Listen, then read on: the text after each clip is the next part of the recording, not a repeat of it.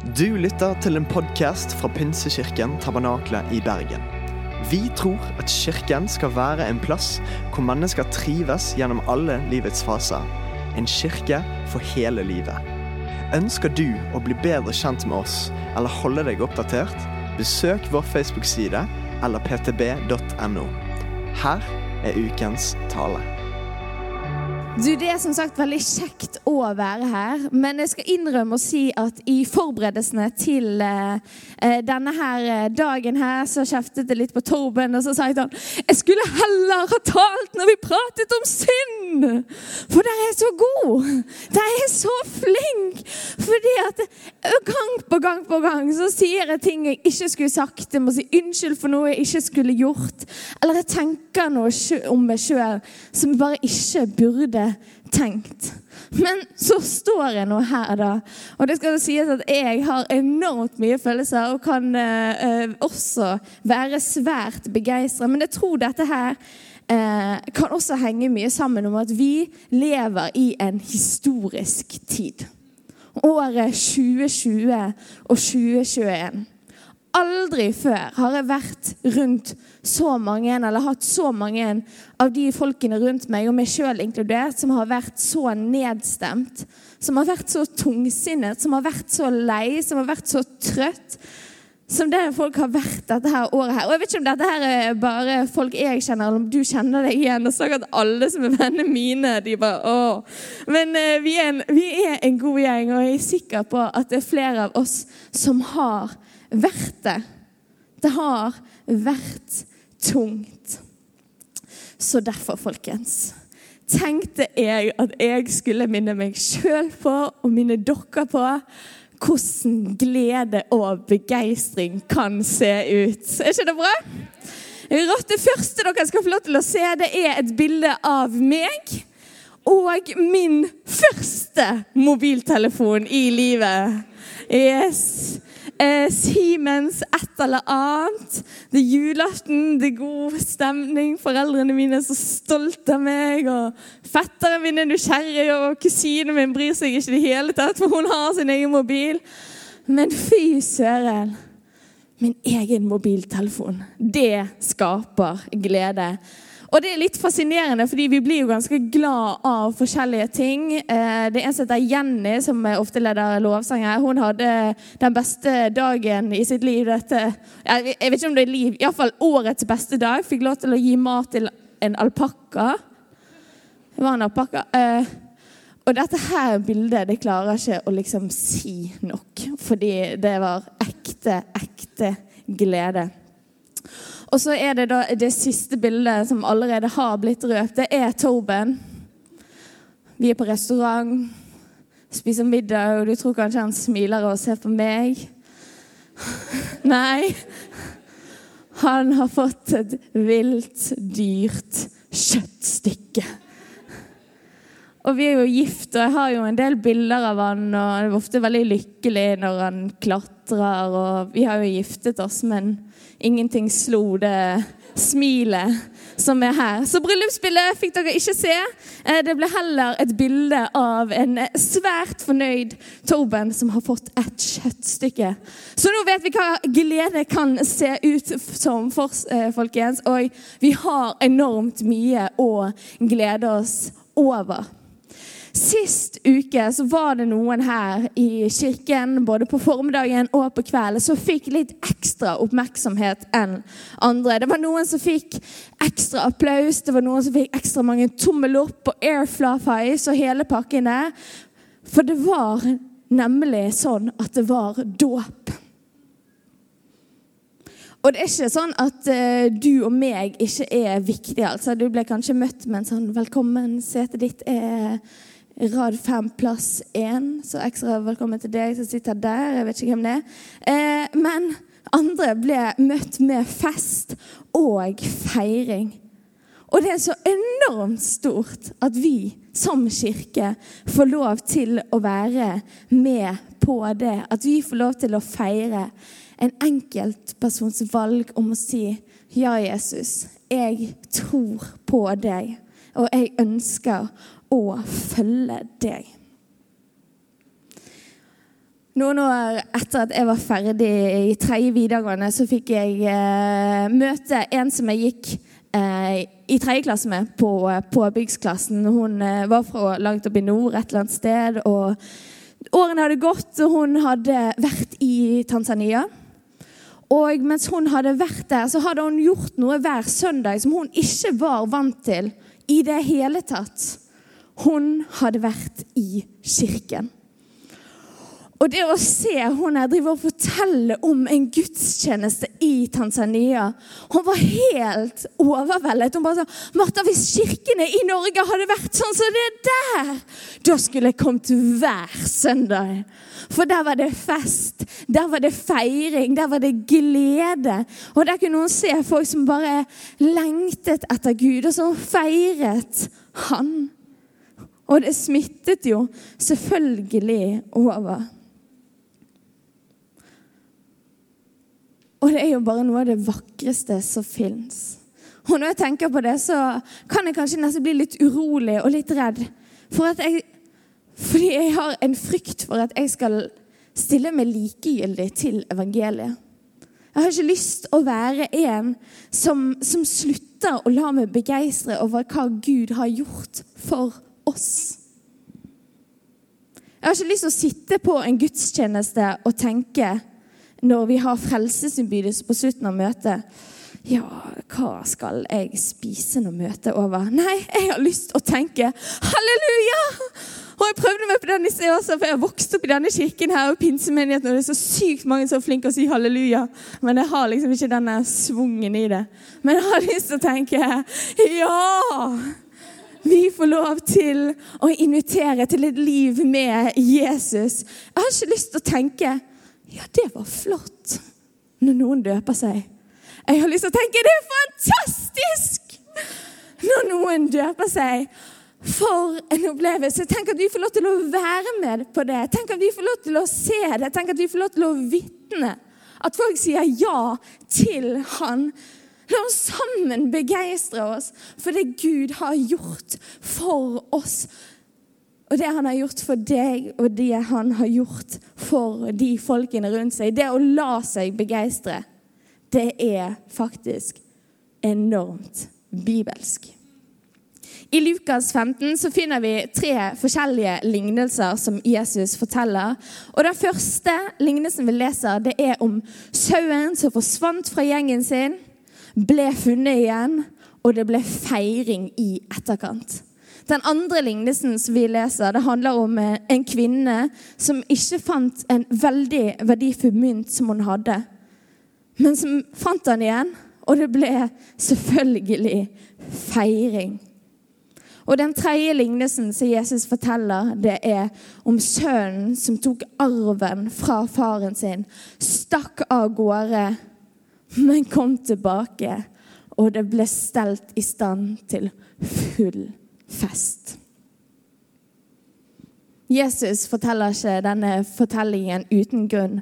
Konteksten var nemlig det at eh, han var med eh, folk som de eh, lærde og de religiøse lederne så på som urene. De som de mente var syndere, og de som ikke levde opp til de reglene som de sjøl hadde sagt. Og og det som egentlig var, eh, kan godt ha vært casen også, at mange av disse her som Jesus var med, var også altfor fattige til å kunne ha den samme kunnskapen som mange av de religiøse lederne hadde.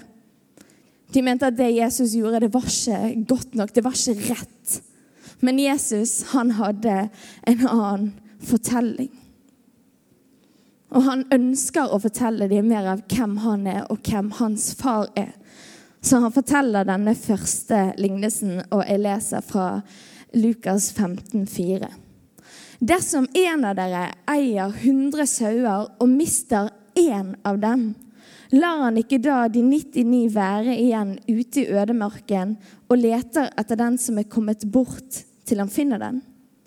Og når han har funnet den, så blir han så glad og legger den på skuldrene sine. Straks han kommer hjem, kaller han sammen venner og naboer og sier til dem.: Gled dere med meg, for jeg har funnet igjen sauen som var kommet bort. Så sier Jesus, jeg sier dere, på samme måte blir det større glede i himmelen over én synder som vender om, enn over 99 rettferdige som ikke trenger omvendelse. Videre så leser vi dette, den andre lignelsen Jesus kommer med. Eller om en kvinne har ti sølvmynter og mister én, tenner hun ikke da en lampe og feier hele huset og leter nøye til hun finner den? Og når hun har funnet den, så kaller hun sammen venninner og nabokoner og sier, 'Gled dere med meg, for jeg har funnet igjen det pengestykket jeg hadde mistet.' Skikkelig gøy fest å bli invitert til. På samme måte sier jeg dere, det blir glede blant Guds engler over én synder som vender om. Fariseerne og de, de eh, lærde, de religiøse lederne, det var mest opptatt av hva det var man gjorde. Om man fulgte regler, om det man gjorde var rett, eller om det man gjorde var galt. Men Jesus derimot, han var opptatt av omvendelse. Han var opptatt av at man snudde seg til han og fulgte han. Han ønsker at vi skal komme tilbake til han, og at hans folk skal omvende seg og gå til han. Og da er det ikke så nøye hva det er du har gjort. Jesus han tåler at vi har gått på en smell. Han, han tåler at vi har gjemt oss eller gått en annen vei. Men han ønsker at vi skal snu oss og komme til han. Gud, han elsker, elsker deg. Og det som av og til kan være så vilt å forstå, det er det at han elsker også kollegaen din. Og han elsker til og med den irriterende naboen din som spiller så altfor høy musikk når du har tenkt å sove. Ja, til og med den naboen der. Og Derfor er det så stort når mennesker omvender seg og lar seg finne og gir livet sitt til Han som elsker dem så enormt høyt. Disiplene som gikk rundt sammen med Jesus, de spurte om han kunne lære dem å be. Og han lærte dem bønnen Fader vår. Og I begynnelsen av Fader vår så leser vi dette. Vår Far i himmelen. La navnet ditt helliges. La riket ditt komme. La viljen din skje på jorden slik som i himmelen. Og jeg har ennå ikke vært i himmelen, hvis det er noen som skulle lure på det. Jeg gleder meg til den dagen. Så jeg vet liksom ikke så mye av hva det er som skjer i himmelen. Men det er iallfall noe vi har lært ifra det vi har lest her. Det er noe vi vet av det som skjer i himmelen. Og det er nemlig det at det er fest i himmelen når en person sier ja til Jesus. Vi leser til og med at det er fest blant englene når noen sier ja til Jesus. Når én person sier ja til Jesus, så er det full fest. Og det er full feiring, og det er full glede. Og det er en fest jeg har lyst til å være med på. Det er en fest jeg har lyst til å begeistre meg over. Når jeg får lov til å være på en gudstjeneste eller være i en samtale eller gå med noen som sier ja, OK, Gud, jeg gir livet mitt til deg. Tenk så enormt stort. Og tenk at vi får lov til å glede oss med det. Tenk at vi får lov til å være med på en himmelsk feiring. Om du sitter her og du allerede har sagt ja til Jesus, da, tenk så stort er den nåden og kjærligheten som du får lov til å leve i. Syns det er kult å tenke på. I fortellingen om sønnen som dro bort og kom hjem igjen til familien sin, så møter vi på en kjærlig far. Og eh, det å dra vekk fra familien på et år på folkeskole eller ta en bachelor i Oslo, sånt, det er ganske vanlig. Men det som skjer i denne her historien, det er ganske drøyt. Denne her sønnen sier, 'Far, gi meg arven din. Gi meg den delen som er min.' Og så stikker han av gårde. Det han faktisk sier, det er at 'Far, du er som død for meg'. Men Jeg vil ikke ha noe med deg å gjøre. Han drar vekk. Og ting går ikke som planlagt. Det kommer hungersnød, og pengene går tom, og han sitter til slutt og må spise med griser. Altså, Livet er så virkelig på bånn. Og han tenker ja, ja, jeg kan jo i alle fall ta sjansen og prøve å gå tilbake til min far som tjener. Og dette her er en som har lagt så mye skam på familien. Må dratt vekk og sagt 'du er som død for meg'. Man skulle jo kanskje tro at denne her faren var sint. Du skulle tro han var bitter. Men det som er så kult med denne lignelsen, er at denne faren her, han er et bilde på vår Gud. Han er en kjærlig Gud. Han er en nådig Gud. Han er en Gud som lengter og lengter og lengter etter deg. Og når faren i denne fortellingen ser sønnen sin komme, så er ikke det noen sure miner som kommer. Han løper mot ham, omfavner han og bare tar han imot med kjærlighet. Og han sier, 'Vi må feire'. Sønnen min har kommet tilbake. Og det blir full fest for denne her sønnen som er kommet tilbake. Og skulle gjerne vært der, fordi det er bare helt Kan har ikke bare være med på en gøy fest og ha det litt kjekt akkurat nå? Men så var det sånn at denne faren hadde to sønner. Det var én sønn til. Han hadde vært trofast til stede. Han hadde vært der hele tiden. Og han syntes ikke det var så kult at den andre broren fikk fest, og ikke han. Så da må faren ut og prate med han også. Og han sier til han, 'Barnet mitt, du er alltid hos meg, og alt mitt er ditt.' Men nå må vi holde fest og være glade.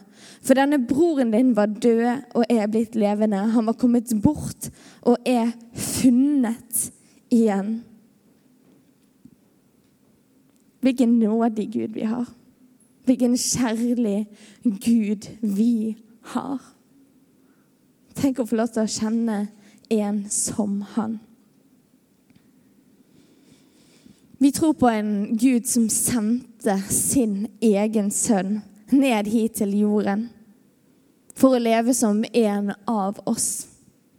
Det som viste oss hva det vil si å ha himmel på jord. Men Gud sendte Jesus for så mye større grunn enn bare det. Han kom for å dø for deg og for meg og for dine og mine synder våre feil og våre mangler. Men heldigvis så stoppa det jo ikke der. Men Jesus overvant døden. Han sto opp igjen og dro opp til sin far i himmelen. Og det dette her fører med seg, det at meg og deg vi kan få lov til å leve i en tett relasjon til Han som ga oss livet. Til Han som elsker oss nær. Til Han som er full av nåde. Han som bare lengter etter mer av deg. Som står med åpne armer, som sier 'Kom, kom til meg. Gå med meg. Vær med meg'. Jeg ønsker å kjenne deg. Og han er alltid tilgjengelig. En Gud som lengter og lengter etter oss.